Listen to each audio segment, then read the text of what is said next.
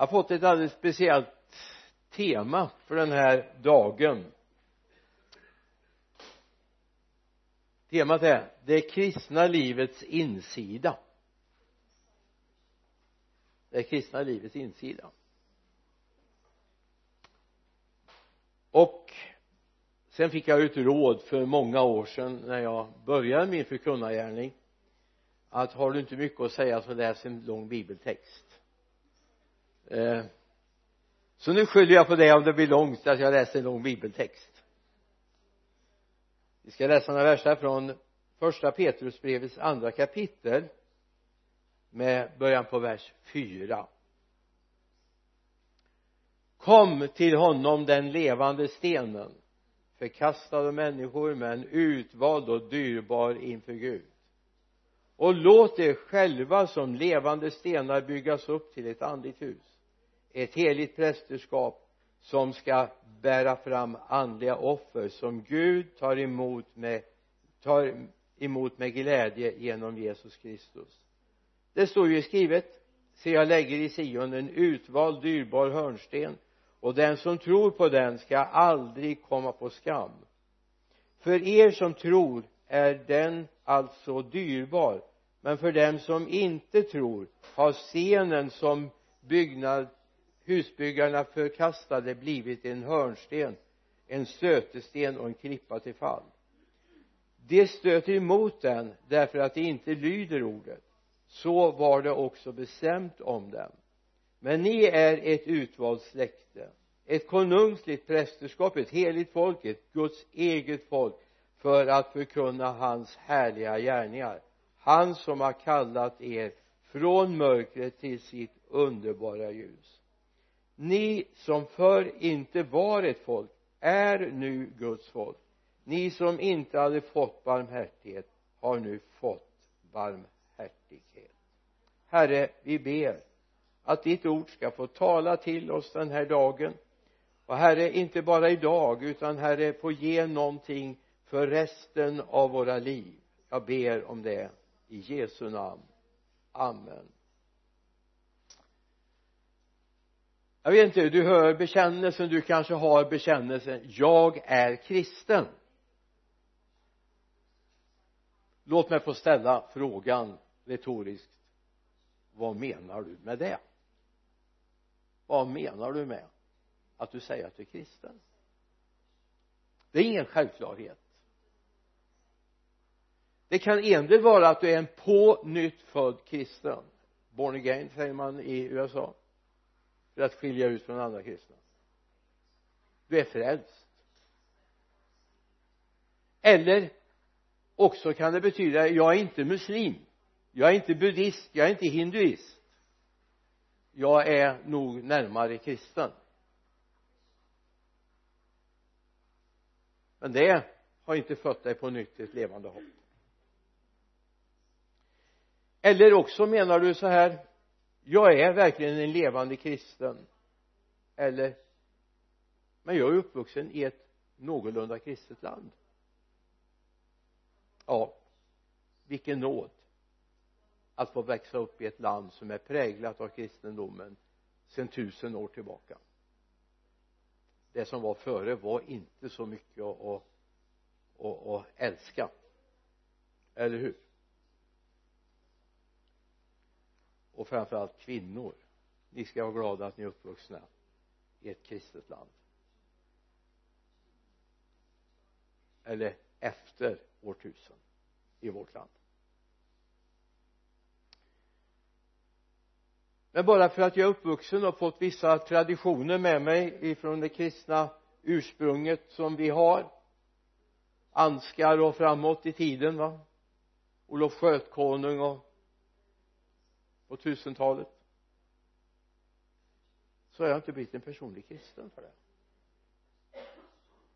Det är precis som eh, den amerikanska evangelisten Billy Sanders sa du blir inte en bil för att man ställer in en skottkärra i ett garage. Du blir inte kristen genom att gå i kyrkan utan det är någonting som sker på insidan. Och det är därför jag vill tala om det kristna livets insida idag.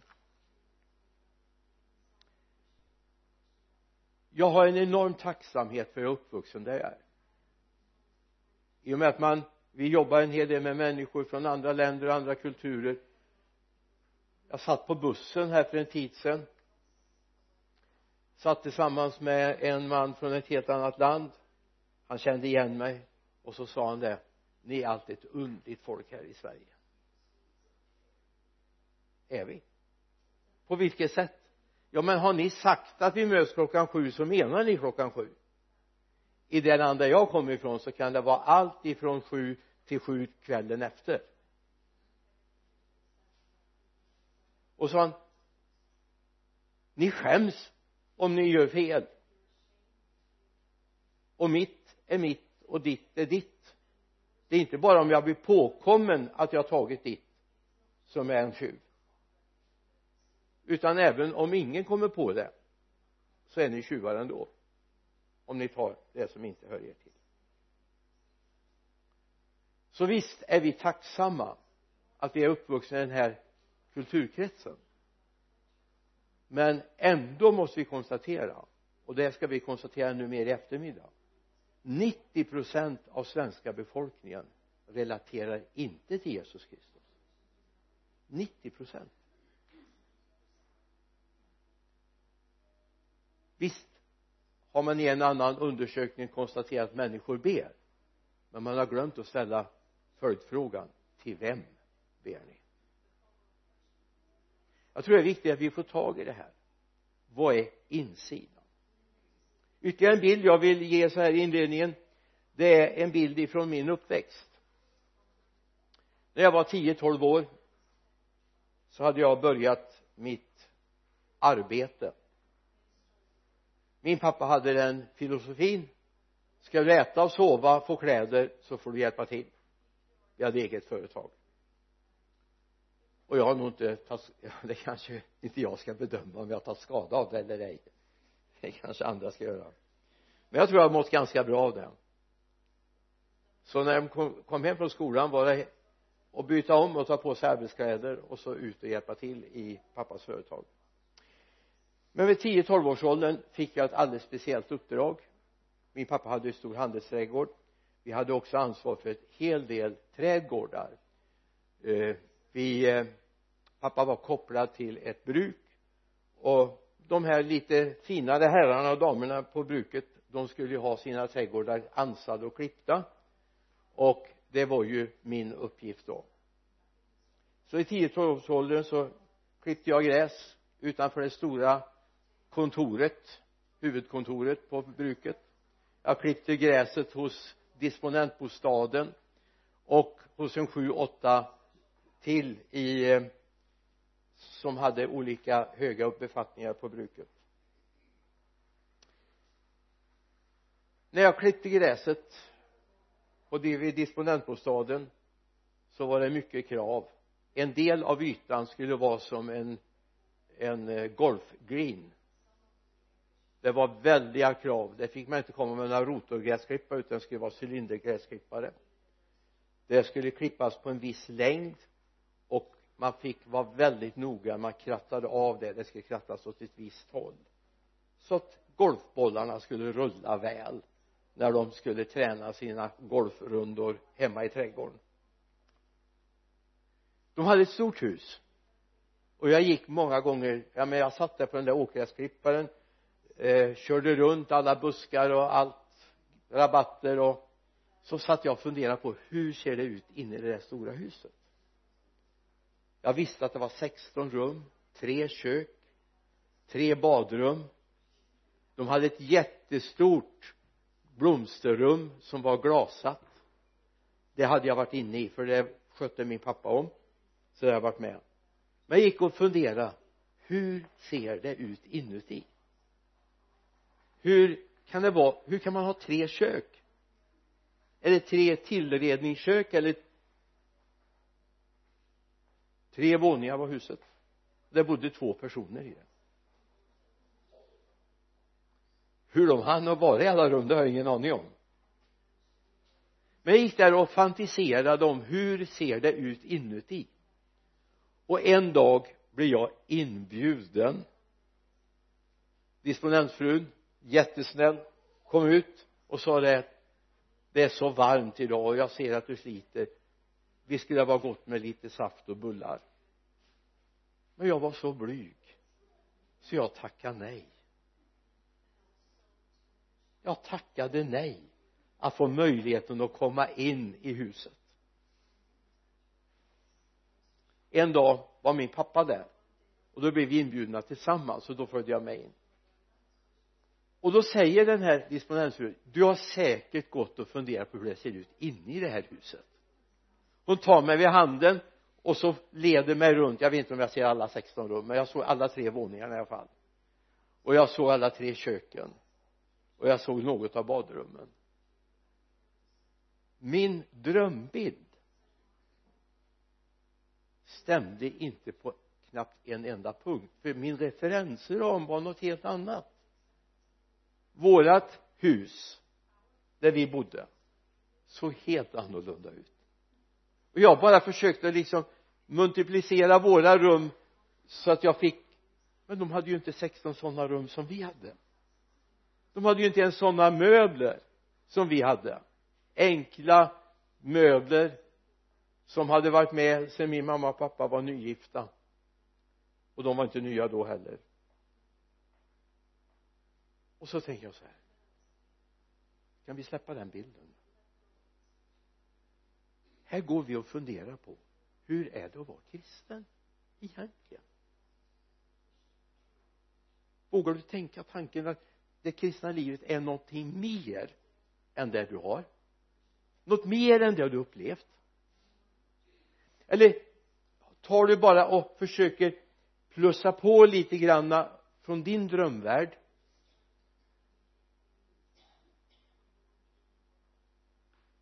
Eller har du gjort den där reella upplevelsen, resan där du upptäckt Gud är så oändligt mycket större. Gud är så mer fantastisk än vad vi kan tänka oss. Finns det något mer att upptäcka? Tänk vad fort vi tappar sugen egentligen va? Nu har vi varit frälsta i 15, 20 år någon kortare, någon längre. Och jag har väl varit frälst i drygt 50 år. Ja det har jag varit för jag har varit förkunnare i 51 så var jag väl frälst för så. Jag är inne på mitt 52 år som förkunnare. Har du fortfarande den här längtan? Gud finns det något mer? Vill jag ha det också? Jag vill ha det också Gud okej okay, Gud jag har varit med nu i 20 år. Jag har varit med i 25 år. Men Gud jag vill vidare. Jag är inte hemma i himlen än. Jag vill vidare. Jag vill upptäcka mer av vad Guds värld är.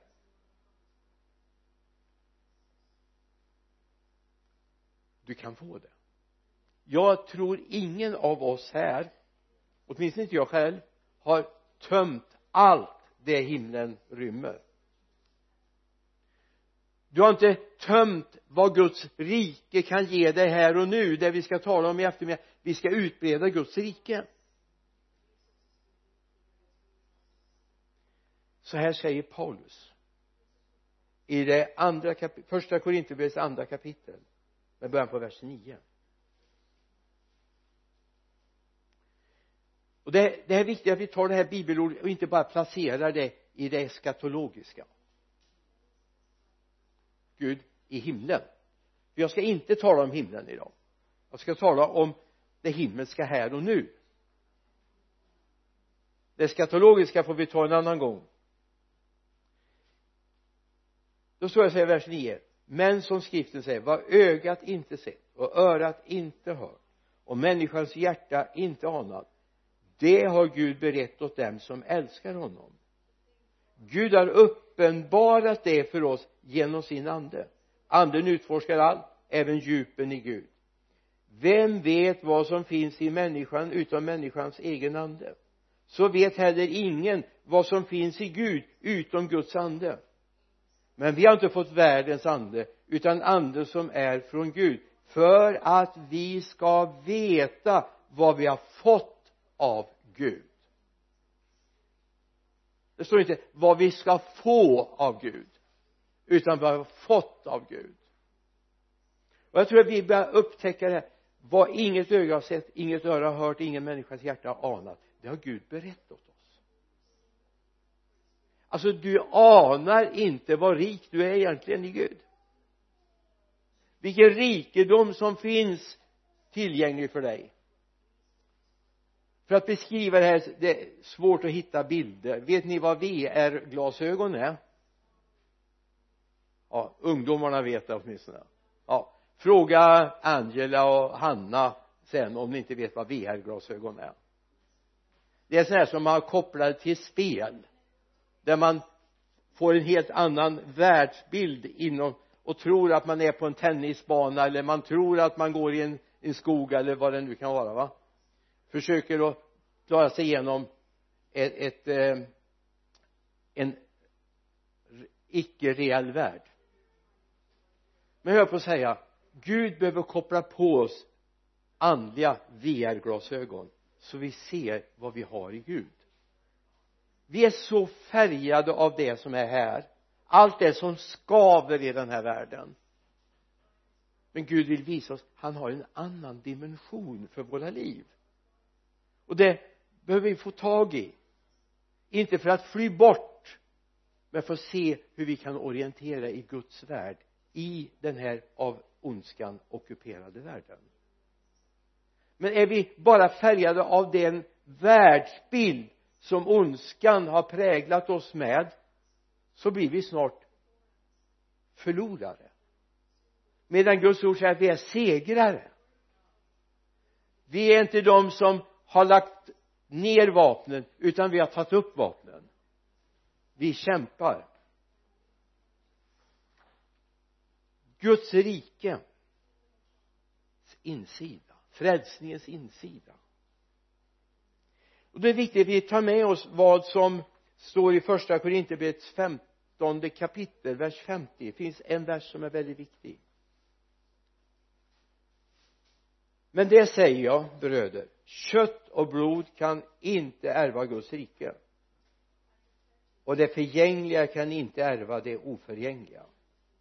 Alltså kött och blod det här mänskliga kan inte få del av Guds rike. Om du stannar där jag vet inte om bilden är bra men ta med den då. Om du inte får på dig Guds VR-glasögon så du ser att det finns en segrande värld. Det finns en framtid, det finns ett hopp, det finns en möjlighet. Så är du såld. Du kommer ständigt bara vara förlorare. Frälsningen är inte den segerattribut som det borde vara. Du ser inte dig kopplad till honom som du borde göra. Men så här står det i Johannes 3 vers 5 och 7 Jesus svarar jag säger er sanningen. Den som inte blir född av vatten och ande kan inte komma in i Guds rike. Det som är fött av kött är kött och det som är fött av ande är ande. Var inte förvånade över att jag säger eh, sa att ni måste födas på nytt. Alltså ni vet när jag brukar undervisa om frälsningens väg så brukar jag ha fem steg. Det här kommer du inte ihåg nu. Det är länge sedan jag tog upp det senast. Men det börjar alltså frälsningen börjar alltid med Guds kallelse. Du kan inte själv frälsa dig. Utan börja med Guds kallelse. Johannes 6 och 44 den inte fadern drar kommer inte till mig säger Jesus. Nästa steg är att jag responderar på det jag vänder mig om och säger okej okay, Gud. Jag tar emot din kallelse. Jag lämnar det nuvarande och jag går med dig. Och då kommer det tredje steget från Guds sida. Han föder mig på nytt till ett levande hopp. Han föder mig på nytt. Du kan inte föda dig själv på nytt. Det är den här diskussionen som eh, Nikodemus här i Johannes 3 har med Jesus. Kan jag gå in i min mors liv igen och födas en gång till? Men det som inte är fött av vatten och ande kommer inte in i Guds rike. Och tar du vers 3 så står det att vi kan inte se Guds rike. Alltså vi behöver uppleva det här tredje steget. Sen kommer det fjärde steget jag ska låta döpa mig. Det femte steget jag blir uppfylla den helige ande. Jag får löftet om den helige ande. Alltså kör ingen annan variant än den bibeln undervisar om. Gud kallar. Du omvänder dig. Gud föder dig på nytt. Du döper dig och du uppfyller den helige ande.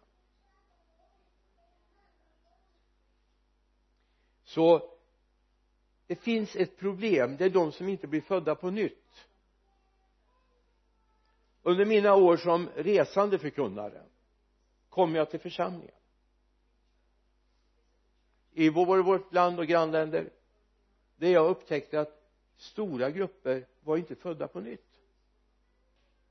De hade valt, ja men kristna livsstilen är ganska bra. Den är väldigt snäll och from och men livet hade inte startat. Vilket gjorde att på en plats jag var hade möten uppe i norra Sverige så fick jag i stort sett be för hela församlingen till frälsning.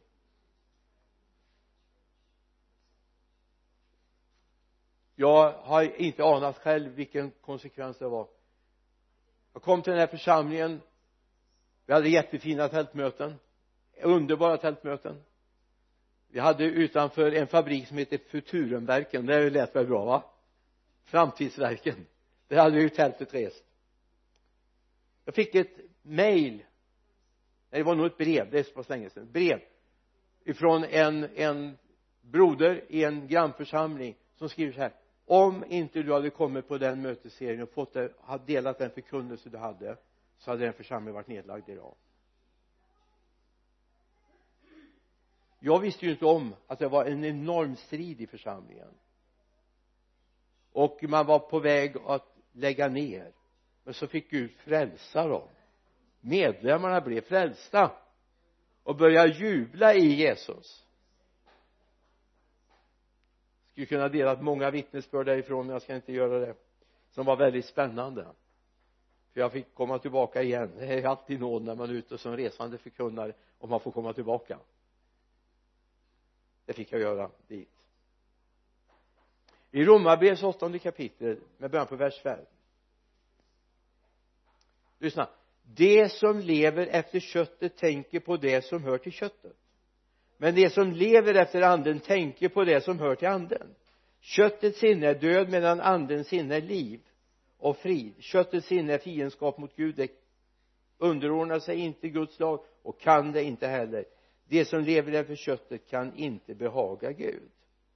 Men det som lever efter anden tänker på det som tillhör anden. Amen. Du vet vad ett lackmuspapper är va? Man ska se om det är basiskt eller syra det här är som ett lackmuspapper som kollar var, var står du? Vad tänker du på? Vad tänker du på? Mänskligt efter mänskliga bedömningar eller efter anden jag kan inte du får läsa av det själv jag bara ger det till dig för att du ska läsa av det. Därför det finns en andlig insida i det kristna livet som vi behöver få tag i. Där vi ser oss som segrare och inte förlorare. Där vi ser oss som Guds medarbetare och inte Guds eh, vad ska jag säga som sitter på åskådarläktaren för att kolla vad Gud gör. Alltså församlingen har inte tid med åskådare.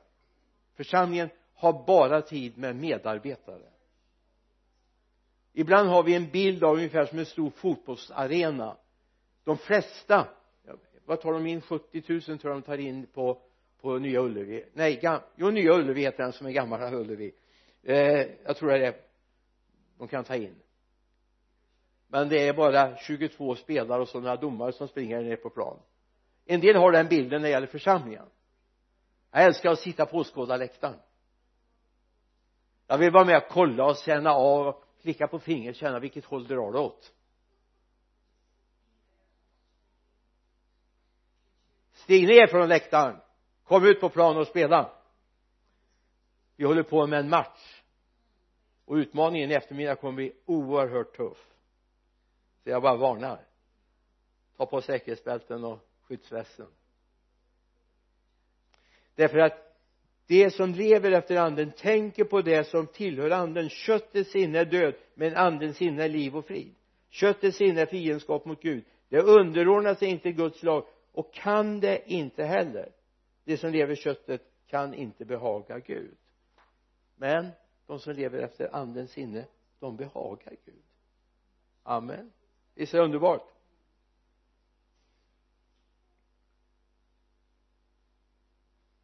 Det är viktigt att vi upptäcker det här tredje steget på frälsningens väg. Det förutsätter andra steget. Mitt beslut. Jag var på fel väg. Även om trots att jag var uppvuxen i ett kristet hem jag hade en mor och en far som bad jag hade en mor och far som läste Guds ord en mor och far som tog mig till kyrkan. Jag är oerhört tacksam för det jag fick leva i en församling växa upp i en församling som var karismatisk en församling som var kärleksfull en församling som hade omsorg. Verkligen även om oss busiga grabbar som satt där ibland. Jag vet aldrig, aldrig under min uppväxt att jag hörde ett enda ont ord fast vi gjorde hemskt dumma saker. Jag vill inte ens berätta för vi har öron här. Alltså ibland funderar man på vad sysslar man med egentligen? Men pojksinnet alltså våra, våra ungdomar och barn som vi har de är alltså vilka vad snälla de är. Jag beundrar dem. Våra diamanter som vi sa förra söndagen va? Amen. Men mitt i detta var jag tvungen själv att ta ett beslut. Jag vände mig om. Jag lämnade min gamla väg. Det var jag 18 år när jag gjorde strax innan jag fyllde 18 år då tog jag ett beslut. Det var inte ett känslostyrt beslut. Jag bara visste att jag var på väg åt fel håll. Jag visste det. Och jag visste att när jag vände mig om så var det för evigt. Det var ingen test utan det var för evigt. Nu vänder jag mig om till dig Gud. Det får kosta vad det kosta vill det var dig jag vill tjäna. Det är dig jag vill leva tillsammans med. Och för att liksom markera det här det här kan vara ett bra tips också. Att markera det här att nu är det Gud som gäller så gick jag till eh, bokhandeln hemma och köpte en bibel som är utgiven på Melins förlag. Det var 1917 års översättning. Det var ju den som gällde då. En svart bibel. Jag har den fortfarande uppe på mitt kontor här. Med namntryck på allt det var liksom en markering. Nu var det det här som gällde. Inte för att jag var en bokmal det var absolut inte. Men det var det här som gällde. Det var en markering för mig själv. Den låg på mitt nattduksbord. Jag hade med mig den till skolan. Jag hade med den gick till kaféerna och mina kompisar. De tyckte jag var lite knäpp. Man behöver inte vara så kristen. Man behöver inte ha med sig när vi går ut på lördag kväll och ska fika. Alltså det var ju liksom pizza och sånt fanns ju inte då. Det var inte infört i Sverige ändå åtminstone inte där jag växte upp. Fanns inga kinesrestauranger heller eller taiwanesiska restauranger utan det var Olssons café som gällde och deras jukebox. Det var det som gällde. Det var det terroriserade vi ibland. Man plockade in 25 så fick man spela en låt och så kunde man programmera upp till 10 låtar. Då tog vi den värsta musiken vi visste så gick vi därifrån.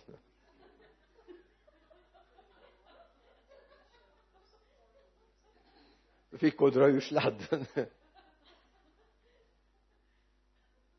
Och så blev jag frälst. Så gick vi till Olssons café. Då hade jag bibeln med mig. Och mina kompisar sa nej men så kristen bör du inte vara. Men för mig var det här ett beslut. Nu är det Jesus som gäller. Och i det skedet jag tog det beslutet så födde han mig på nytt ett nytt hopp. Jag fick ett nytt liv som började pulsera på insidan. Jag är så glad för det det var inte någon törtro som de säger uppe i Norrland utan det var någonting som flödade. Det här källsprånget det här flödet som det står om i Johannes 7 och 37 och 38 den som tror på mig ur hans innersta ska strömmar av levande vattenflöde det startade den dagen 18 år gammal. Jag var 21 år och var ute på mitt första fält som evangelist. Då hade jag gjort värnplikten emellan nästan ett, ett och ett halvt år. Det brann inom mig. Det brann inom mig för jag ville följa honom. Jag ville leva tillsammans med honom. Mitt liv brann för att människor skulle få tag i samma som jag hade fått tag i. Alltså den som är, blir född på nytt kan, alltså den som inte blir född på nytt kan inte se Guds rike. Men den som blir född på nytt ser Guds rike insidan, verkligheten vem han är. Så välkomna in i Guds rike. Och kom ihåg Guds rike är inte bara eskatologiskt i framtiden när Jesus ska komma tillbaka. Guds rike är här och nu. Du är en Guds rikes medborgare även om du lever i Svea rike även om du lever i ett, en värld, ett sammanhang där 90 procent inte är bekymrade över att Jesus ska komma tillbaka. Kanske ännu fler. Som inte funderar en enda stund på vad Gud hade tänkt med deras liv egentligen. Tänk att de flesta av dina arbetskamrater, klasskompisar, grannar de funderar inte på att Gud har en plan för deras liv när jag var 18 år så beslutade jag mig för Gud jag vill följa din plan. Hade ingen aning om vad det skulle innebära. Jag vet nu efteråt lite mer av vad det har inneburit och jag bara längtar efter att jag ska få gå resten av mitt liv i den planen som Gud vill. Det, det är min dröm, min längtan. Jag har inga andra ambitioner. Jag har inga ambitioner att se hela världen. Jag har inga ambitioner att göra alla upplevelser som alla andra jag har bara en enda ambition. Jag får vara med dig Gud. Jag vill gå med dig. Det är min trygghet. Det är min tillit. I Efesierbrevets andra kapitel vers, vers 4 då säger men Gud som är rik på barmhärtighet har älskat oss med så stor kärlek även när vi ännu var döda genom våra överträdelser att han har gjort oss levande med Kristus av nåden i ni frälsta han har uppväckt oss med honom och satt oss med honom i den himmelska världen i Kristus Jesus. För att i kommande tider visa sin överväldigande rika nåd genom godheten mot oss i Kristus Jesus. Lägg märke till tidsformen. Han har satt oss med honom. Det står inte att han ska sätta oss med honom. Han har satt oss med honom i den himmelska världen så du behövde nog de andliga VR-glasögonen för att upptäcka var du egentligen i Guds värld finns idag. Vad Gud har tänkt för dig. Så du får tag i innehållet av i livet. Så du får tag i vad Gud har menat med ditt liv. Vad han vill med ditt liv. Vad är Guds plan med dig imorgon? Vad är Guds plan med dig idag? Har Gud tänkt någonting härligt för dig som du kanske inte riktigt har fått tag i än? Gud har någonting i beredskap för dig. För han har satt dig med honom i den himmelska världen. Alltså när jag öppnar mina ögon och jag börjar titta mig med mitt mänskliga seende runt omkring mig jag ser inte mycket himmelskt jag ser.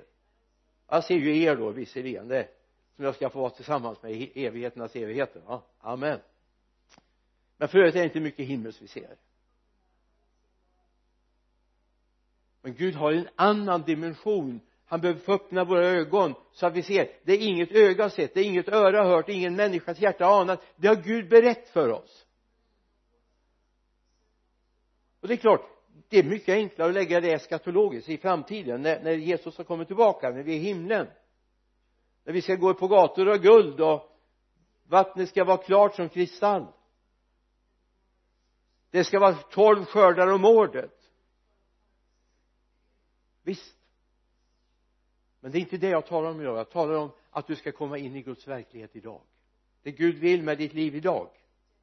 Det Gud vill med ditt liv imorgon när du vaknar att kunna få säga Gud tack. Tack för att jag får vara med dig. Han som har vakat över dig i natt. När du vaknar upp så säger han välkommen. Här har jag varit länge. Alltså det är det Gud vill att du ska komma in i.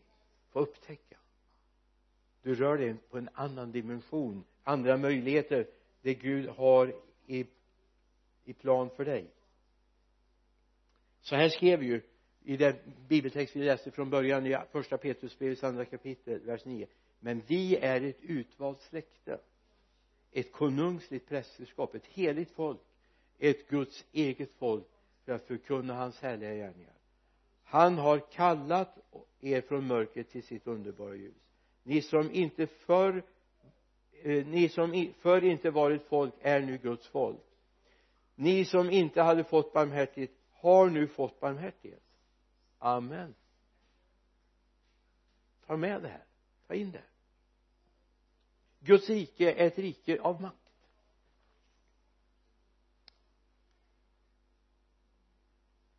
Det är viktigt att vi får tag i det.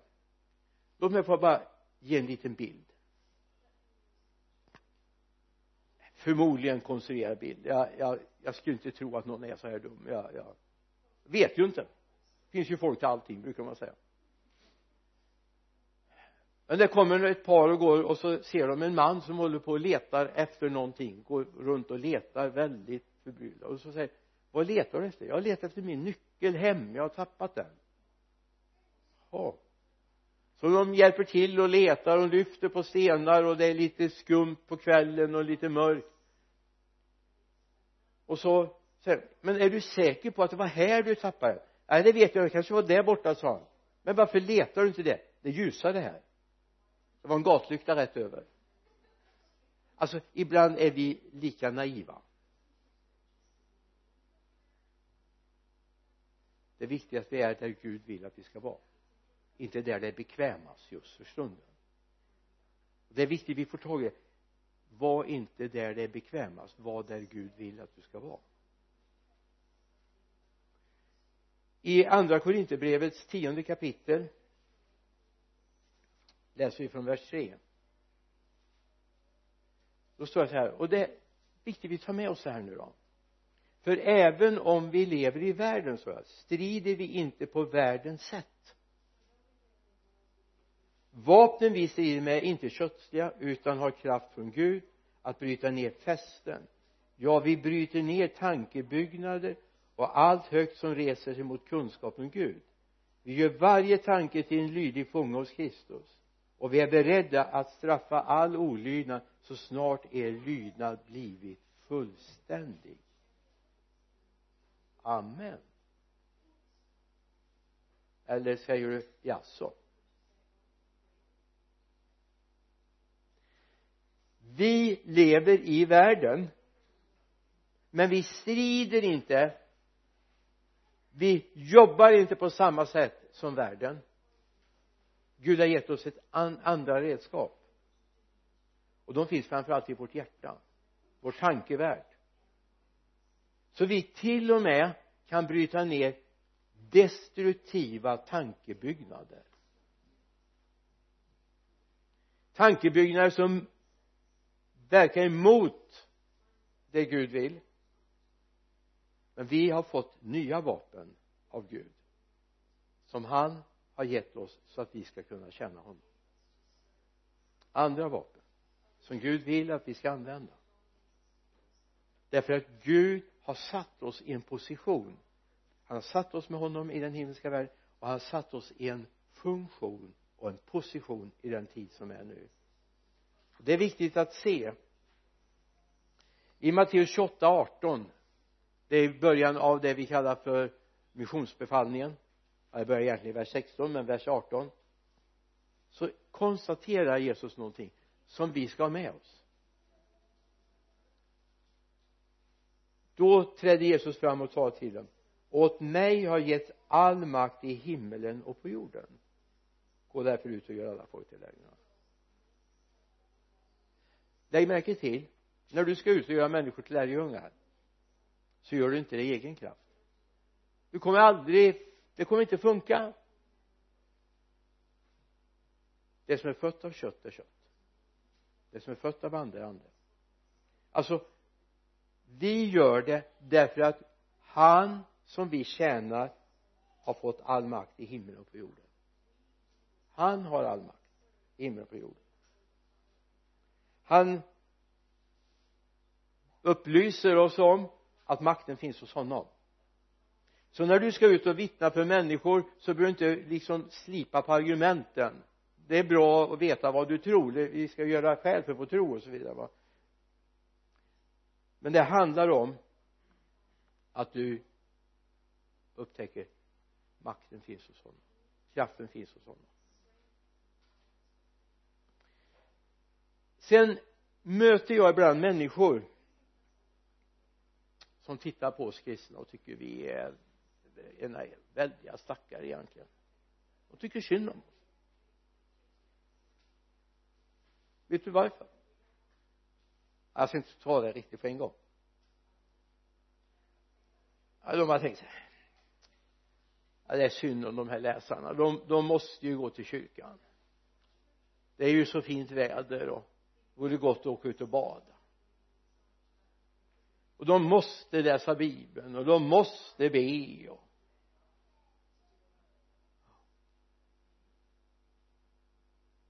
det är ju så de ser det. Ja nu är det så fint väder och nu lastar de ungarna i bilen och så åker de till kyrkan och sitter inomhus. Det, det är ju synd om dem. Är det? Nej säger min fru. Jag har lastat ungar i bilen ett antal gånger. Bytt om på dem för de har hunnit smutsa ner sig innan de har kommit iväg och sådär. Ja ja. Härliga tider men det beror ju på att man ser det utifrån. Man ser det som vanor, man ser det som tvång. För oss handlar det ju om en kärleksrelation. Jag menar när jag och Birgitta hade sällskap för en massa år sedan. Vi hade faktiskt sällskapstid på fyra år innan vi kom till skott men det hade väldigt mycket att göra med framförallt min tjänst 32 mil. Alltså att på måndag morgon sätta sig i bilen och få tillbringa några timmar med Birgitta och åkte 32 32 mil för att ja, det var 16 mil enkel resa. 32 mil. Det var ju inte på grund av tvång utan på grund av kärlek jag inte hela tiden. Jag var ett och ett halvt år jag var så långt bort. Alltså förstår du? Att gå till kyrkan det är en kärleksrelation. Eller hur? Jag älskar ju honom som jag vill vara tillsammans med. Jag älskar honom. Och det är viktigt att människor ser att det här är en kärleksrelation. Att du älskar honom. Att du läser bibeln det gör du för att du vill umgås med honom inte för att du ska tenta av vid himmelens port att du har läst alla kapitel och varje vers i bibeln. Det kommer du inte fixa i alla fall. Du har alltid glömt någon vers. Du kommer in ändå. Det är inte så att du måste veta vilka bibelböcker som har ett kapitel eller ett kapitel och hur många hur många kapitel har Obadja till exempel ja, jag kan ge dig tips. Det är bara ett kapitel. Men, men det, du behöver inte kunna det för att komma in i himlen. Men du har umgåtts med honom. Det är det som är viktigt att vi får tag i det och förstår det. Till sist Guds rike är inte yttre ting. Det är det vi känner till. Guds rike är inte yttre ting. Paulus skriver till församlingen i Rom en väldigt from församling. Vers 17 Guds rike är inte mat och dryck utan rättfärdighet, frid och glädje i den helige ande. Han sa det mannen som förestod en Folkets park i, i mellansverige som var så jättesur på för det här med, med att man skulle betala skatt. Nöjesskatt. Alltså är det några som skulle betala skatt så är det ju kyrkfolket för är det någonstans som är roligt så är det ju där. Var en bra bekännelse va? Ja. Hoppas du ser det så. Att du är, har det roligt. Det är en glädje. Det är verkligen ett nöje att vara i Guds hus. För där finns det rättfärdighet. Du vet få leva i ett samhälle, ett sammanhang där man lever i rättfärdighet. Jag skulle kunna ta upp vad det handlar om men jag hinner inte det nu komma in i ett sammanhang där det är frid. Det är ofrid i den här världen. Det behöver jag inte påminna dig om. Det vet du om. Det finns mycket ofrid i den här världen. Du kommer in i ett sammanhang med glädje. Och du kommer in där den heliga ande har fått gett allt det här till dig. Det är insidan av det kristna budskapet. Att få vara frälst att få vara Guds barn. Bara det. Smaka på det. Att få vara Guds barn. Att få arvingar. Allt det Gud äger kommer du vara med och ärva. Amen. Det är väl underbart. Det finns ingenting av Guds helighet, Guds rikedom, Guds möjligheter som inte du får del av. Vad säger pappan till den hemmavarande sonen i eh, Lukas? Allt mitt är ditt. Det är precis det Gud säger. Allt mitt är ditt. Finns det någonting som inte du har plockat ut än av det som är hans? Det är också ditt. Hans frid hans glädje hans kraft hans möjligheter ta med det här. Vi ber. Jesus låt det här få landa i våra hjärtan. Herre tack för att det finns en frälsningens insida. En plats tillsammans med dig. Där vi får uppleva din frid, din glädje. Där vi får uppleva ditt tålamod din förvandlande kraft. Jag ber om det i Jesu namn. Amen. Amen.